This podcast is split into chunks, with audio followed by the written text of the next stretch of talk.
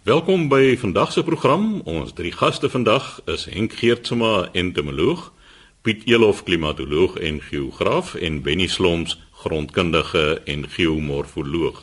Nou Piet, ons begin by jou. Jy's die klimatoloog en jy het 'n vraag oor seisoene ontvang.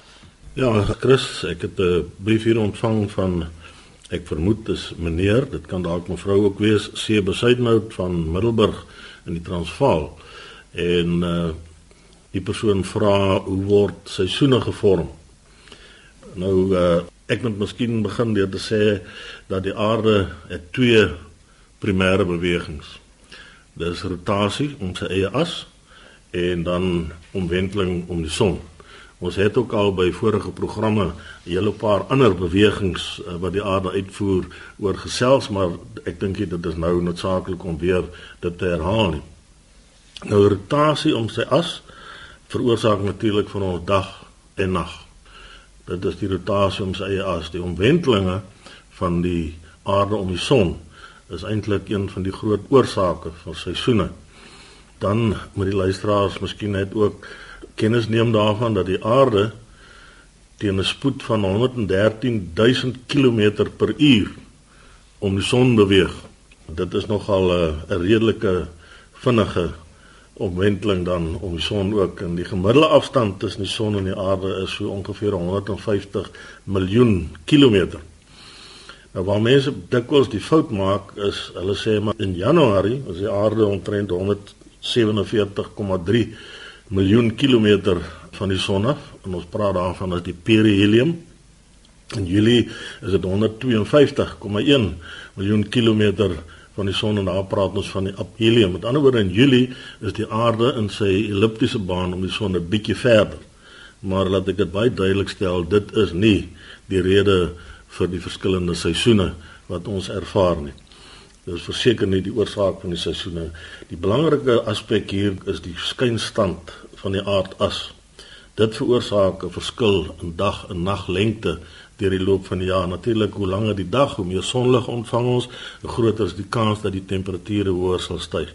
As die daglig korter is, ontvang ons minder sonlig en dan is die temperature uit die aard van die saak laer. Nou ons weet dat die die skynstand van die aardas, ek wil amper sê is relatief vas. Ons weet dat dit wel kan verander, maar dit bring dan mee dat 'n sekere tyd van die jaar het ons meer sonlig aan die suidelike halfrond en daarom sal dit dan ons somerseisoen wees hier in Januarie, Desember en so voort terwyl in die wintermaande Junie, Julie is daar 'n korter dagligperiode en dit raak natuurlik ook ander aspekte aan, byvoorbeeld sportaktiwiteite. Ons kan dalk 'n bietjie later daaroor gesels.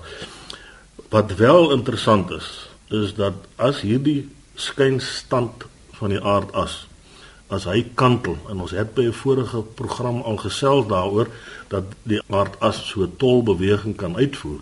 Dan is die implikasie daarvan dat ons as daardie aardas se kanteling so ver gevorder is dat dit moontlik dan kan wees dat ons in Desember wintertyd het in die suidelike halfrond en Junie Julie somertyd het in die suidelike halfrond. Maar ek dink die luisteraars hoef nie daaroor bekommerd te wees nie. Dit is nie iets wat so vinnig gebeur dat dit binne ons leeftyd sal plaasvind nie. Piet met ander woorde, luisteraars hoef nie nou hulle besprekings vir die nasionale parke te kanselleer en dit vir Desember te doen nie. Chris nee, beslis nie. Ek soos ek sê, daar is geen kans dat dit binne ons leeftyd sal plaasvind. Dit is iets wat baie baie stadig plaasvind hierdie kanteling van die aardas. So gesels Piet Elof, ons klimatoloog en geograaf. Benny Sloms volgende aan die woord, grondkundige en geomorfoloog.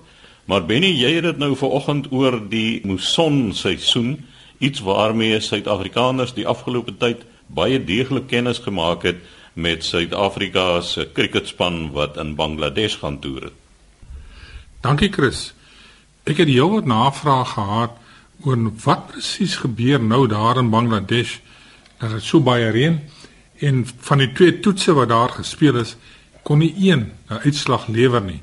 Nou die vraag is natuurlik hoekom word toetse geskeduleer in die middel van die musonseisoen? Dit is nou die reenseisoen daar in Suidoos-Asië wat strek vanaf Junie tot Oktober.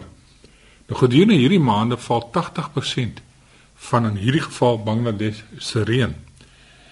Nou dieselfde vraag kan 'n mens natuurlik ook vra vir skedulering van toetskriket of enige kriket in Indië, Sri Lanka en selfs Pakistan.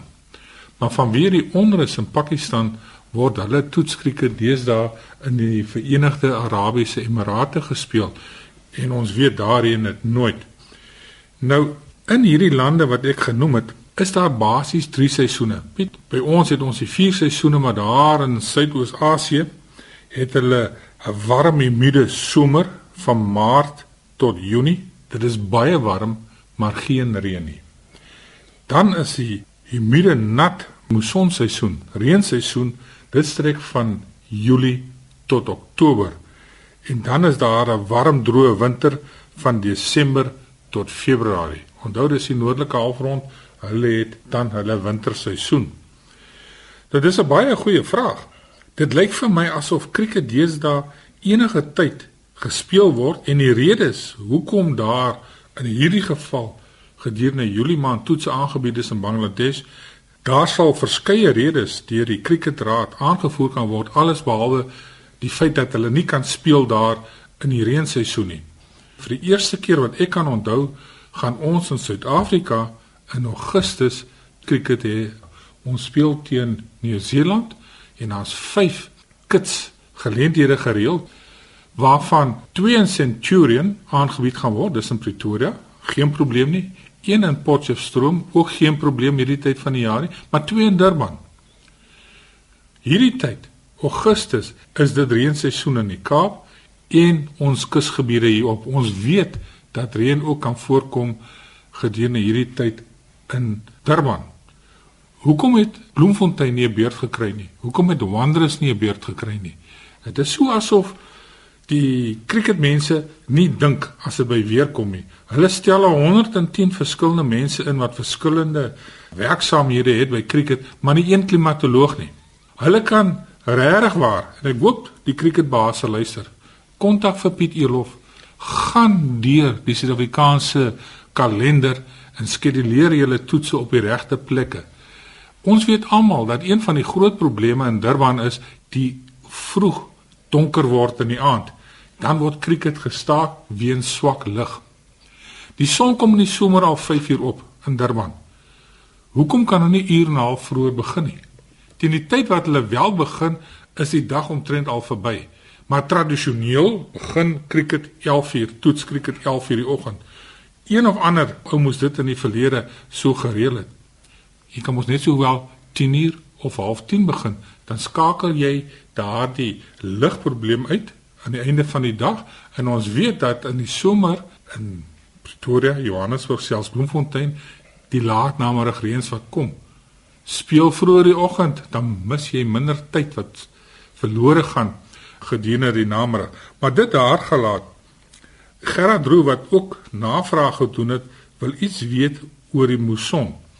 Nou vanuit die beeldmateriaal wat ons op televisie gesien het, tot groot frustrasie nadat jy 6 uur opgestaan het en al wat jy sien op die beeld is water. Hy sê maar dit is 'n ander tipe reën as wat ons hier in die Kaap kry. Heeltemal reg. Die hoeveelheid reën wat daar neergelaat word. Hulle meet dit goed daarso in sentimeters en nie in millimeters soos ons nie. Want jy sien hoe stap die mense daar in die strate knie diep deur die water. En Bangladesh het nog hierdie ander probleem ook sy landskap is plat. Die grootste gedeelte van Bangladesh bestaan uit 'n rivier delta. Dis alluviale grond, baie laag. Geen hoogte tussen die oseaan en die land self nie. En nou is daar twee dinge wat gebeur. Die reën kom vanaf die kus, die Indiese Oseaan en dit reën, die water dreineer nie goed nie Die analoog wat ek wil stel aan die luisteraars is, dit is amper soos daar by Bredasdorp vlakte. As daar nou ewige reën val, hulle kry die slag 60, 70 of meer millimeter reën, dan is daai hele vloedvlakte van Bredasdorp tot teen die kus is onder water. En dit lyk of die water nie weet watter kant toe om te gaan nie. Nou Bangladesh is net so. So die dreinering is stadig vanweë die gelykheid van die grond. En dan natuurlik die hoeveelheid water wat val is baie meer as wat ons ken. En dan het ons ook die ander probleem dat gedurende die mussonseisoen siklone vanaf die Indiese Oseaan inbeweeg oor Bangladesh.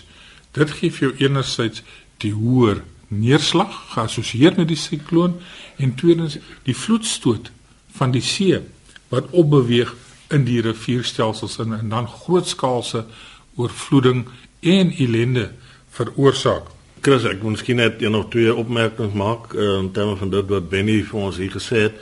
Benny die feit dat cricket eers 11:00 in die oggend aanvang neem kan te doen hê met die dou op die gras dat dit nou eers bietjie moet verdamp. Maar aan die ander kant wil ek ook dan byvoeg dat ons moet in gedagte hou die cricket toetse in Durban begin wel 'n bietjie vroeër.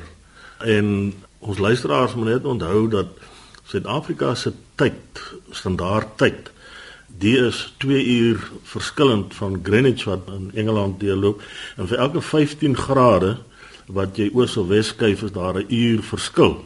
Nou Suid-Afrika se standaard tyd word geneem van die 30 grade ooste lengte lyn en uh, dit loop omtrent deur Durban terwyl Kaapstad lê omtrent 18 so daar is uh, baie gemaklik amper 'n uur verskil in terme van dagligtyd tussen Durban en Kaapstad. En dan Benny as ek miskien net iets kan byvoeg kortliks, jy het 'n baie interessante opmerking gemaak hier oor die muson toestande wat daar heers in Suid en Suidoos-Asië.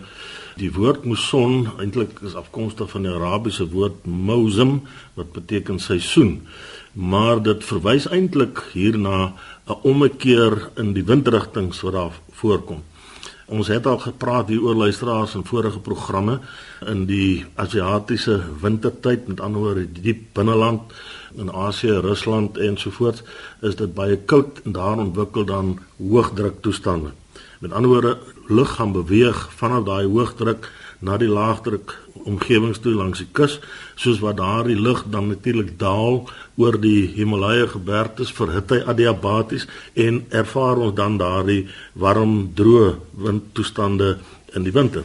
In die somer egter het ons 'n ommekeer hiervan en dan is die binneland weer baie warm en laagdruk en die lug beweeg dan uit die Indiese Oseaan, baie vog wat daar voorkom en dis warm seestrome ook wat daar is die water is redelik warm so baie verdamping en dan word daardie vog natuurlik landwaarts gedryf en nou ja na mate dit styg gaan dit afkoel kondenseer en dan inderdaad vir ons swaar neerslag gee.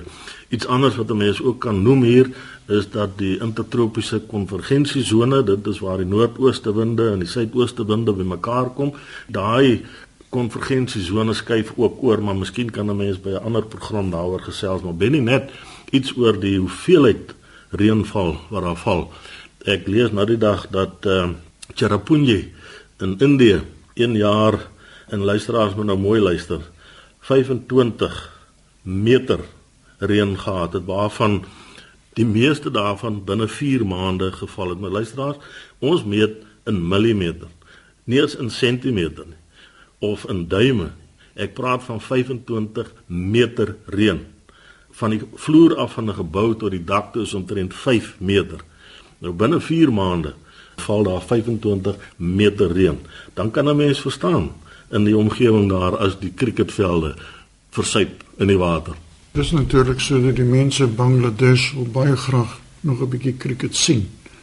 Want die voorspellings is met die stygings van die seespieël is dat Bangladesh is een van die eerste lande wat onder die water gaan verdwyn vanweë sy absolute vlakheid. Ek vermoed waterpolo gaan in die toekoms meer gewild raak in Bangladesh. Maar wat hulle sal moet doen, hulle sal moet strukture oprig soos die Nederlanders en soos die bek van die Theems gedoen het by Londen om hierdie water te beheer. Die Nederlanders is natuurlik bekend daarvoor dat hulle die see keer dat dit die laaglande oorstroom. Maar of Bangladesh soveel geld het om so 'n lang muur te konstrueer langs hulle kuslyn dis natuurlik 'n oop vraag. Nou ja, dit dan wat betref die musonreëns wat die afgelope tyd die cricketliefhebbers so gefrustreer het. En Henk, jy het 'n uh, vraag oor gogga aktiwiteite. Ja, luisteraars, ek het 'n e-pos gekry van Jan Koetser en die onderwerp van sy e-pos is gogga aktiwiteite en hy vra: Geagte paneel, hoekom is myns insiens 'n drastiese toename in die nagtelike aktiwiteite van motte en goggas soos waargeneem kan word rondom buiteligte van huise? skynbare aanduiding mag wees dat reën of onweer in aantog mag wees. Nou, gelukkig het ek hier 'n paar weerkundiges en grondkundiges in die omtrek, so hulle kan my reghelp of uh, korrigeer. Insekte reageer baie graag op 'n verlaging of verhoging van barometriese druk. Want dit dui vir hulle aan dat reën is aan die kom Nou die beste voorbeeld hiervan is nie net die motte en ander goggas by buiteligte van huise nie, maar kyk maar na die aktiwiteit van reismure, termiete. As ek byvoorbeeld in die oggend van my huis af werk toe ry en ek sien die reismure stoot hopies grond uit, weet ek hier is reën aan die kom binne volgende 2 of 3 dae. Hoe hulle dit waarneem is insekte is uiters sensitief vir druk, maar die ding is hulle weet dan ook as reën in die kom is, dan hol hulle in die eerste plek in die geval van reismure, hulle tonnels uit. Hulle bou daardie hoopies op om te keer dat as reën kom, dat dit nie by die tonnels instroom nie. Aan die ander kant, enige aktiwiteit het voor- en nadele. Die voordeel is dan dat die grond word sag en met die grond wat sag word, kan hulle beter tonnel in die grond. So daar's voordele daaraan. Maar hierdie ding gaan 'n bietjie verder. Hulle weet ook dat as byvoorbeeld in die reenseisoen die grond gedurig nat is, met ander woorde afhanklik van barometriese toestande, hoë of lae druk toestande, dan is daar beter plante groei. En beter plante groei beteken beter voedsel vir byvoorbeeld ruspers. Dit verklaar hoekom dat in sekere seisoene is daar 'n toename in aktiwiteite van motte en ander goggas. Nou mens kan die beste voorbeeld eintlik sien. Jan Koetser sê ongelukkig nie van watter deel van die land hy skryf nie. Maar as mens kyk na die winterreënvalstreek. Nou ek versamel al vir die afgelope 25 jaar motte in die fynbos. En dit is baie duidelik dat in April en in September, met ander woorde, net voor en net na die winterreëns in die Wes-Kaap, is daar 'n groot aktiwiteit van motte wat na my lugvalle toe kom. Nou dit verklaar nommer 1. Jy weet as mens kyk na fynbosplante, is die plante in die somer, dis droog, dis warm, die blare is kort, hard om te kou en so aan. So vir die ruspers van die motte is dit nie baie voedsame materiaal nie. Nou eiers van motte wat voorskyn in April word die eiers gelê en teen die tyd wat die eiers uitbroei, het die reëns gekom en die plante groei begin nou uitloop in die fynbos. Met ander woorde, jou vars jong groei is wel geskik vir die ruspers om te vreet. Die motte wat in September verskyn, lê hulle eiers en die eiers broei ook uit en na die winterreën is daar ook plante wat nou weer uitpot. So die herfs en die lente seisoene is duidelike patrone waarneembaar in die aktiwiteit van motte in die fynbos. Natuurlik buiteligte van huise, dit hang af watter tipe gloeilampe mens gebruik. As 'n mens natriumlampe gebruik, gaan jy omtrent baie min insekte kry. As jy kwikdamplampe gebruik, gaan jy baie meer insekte kry omdat kwikdamp gee lig uit ook in die ultraviolet spektrum. En jy weet natuurlik nagvliegende insekte reageer baie graag op ultraviolet en nie so seer op geel lig van natriumlampe nie. Dis ook die rede hoekom baie straatlampe gebruik natriumlampe.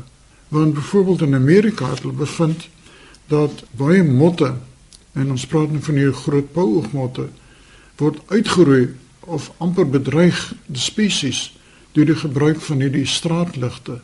Nou deur die straatligte te vervang met natriumlampe probeer hulle nou hierdie groot motte nou weer red. So beskerming van insekte kom ook al weer in die prentjie in.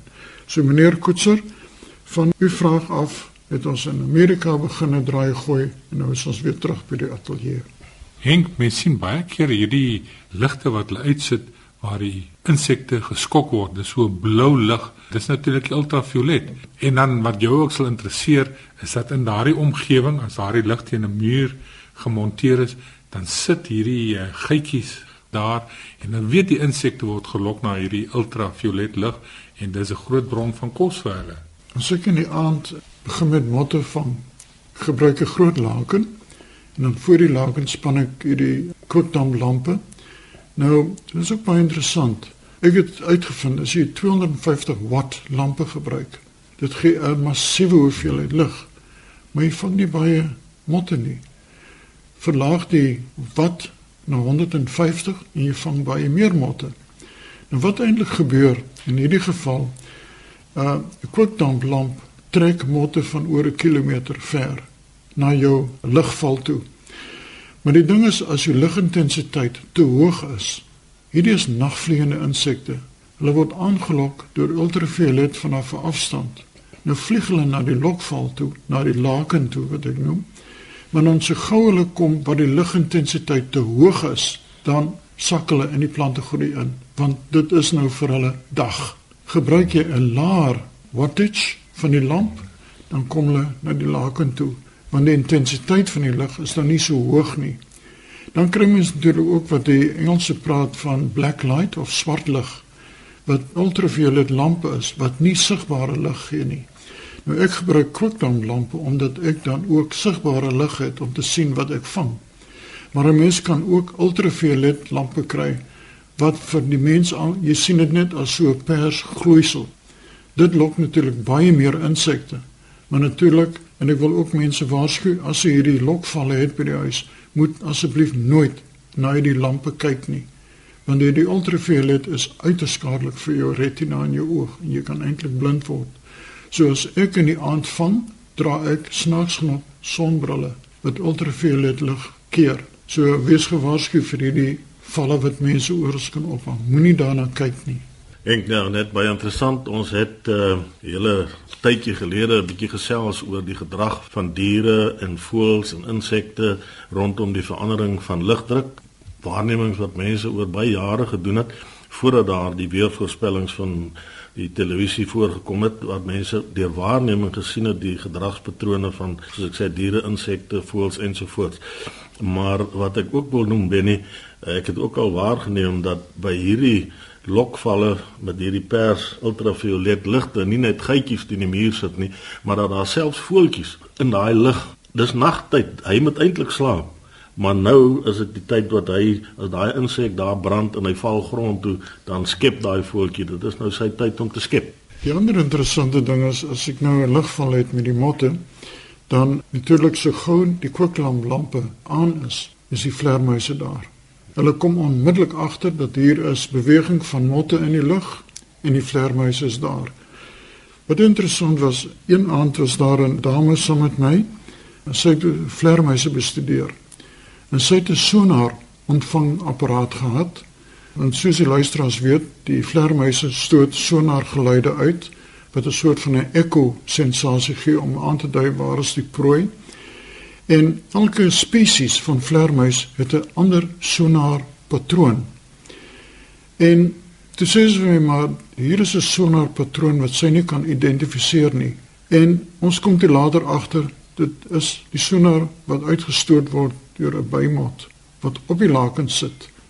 Nou natuurlik die sonar verskillende sonar klanke van vleermuise skei die prooi spektrum vir die verskillende spesies van vleermuise. Met ander woorde, as hierdie vleermuis naby is en hy gee sy sonar uit, tel hy ander vleermuise dit op, ander spesies en weet bly uit daai gebied uit, want dit is territoriale gedrag.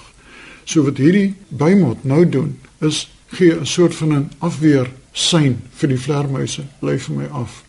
Die ander ding is, soos 'n mens nou voor die mot val beweeg, trap 'n mens baie kere van die motte dood. En jou eerste ander gedeeltes wat opdaag is skorpioene want hulle reageer op die reuk van gekwetste insekte. So moet er nooit motte vang met kaalvoete in die omtrek nie. Nou ja, daar het die tyd ons ongelukkig ingehaal. Dit was dan Henk Geertsma ons entomoloog.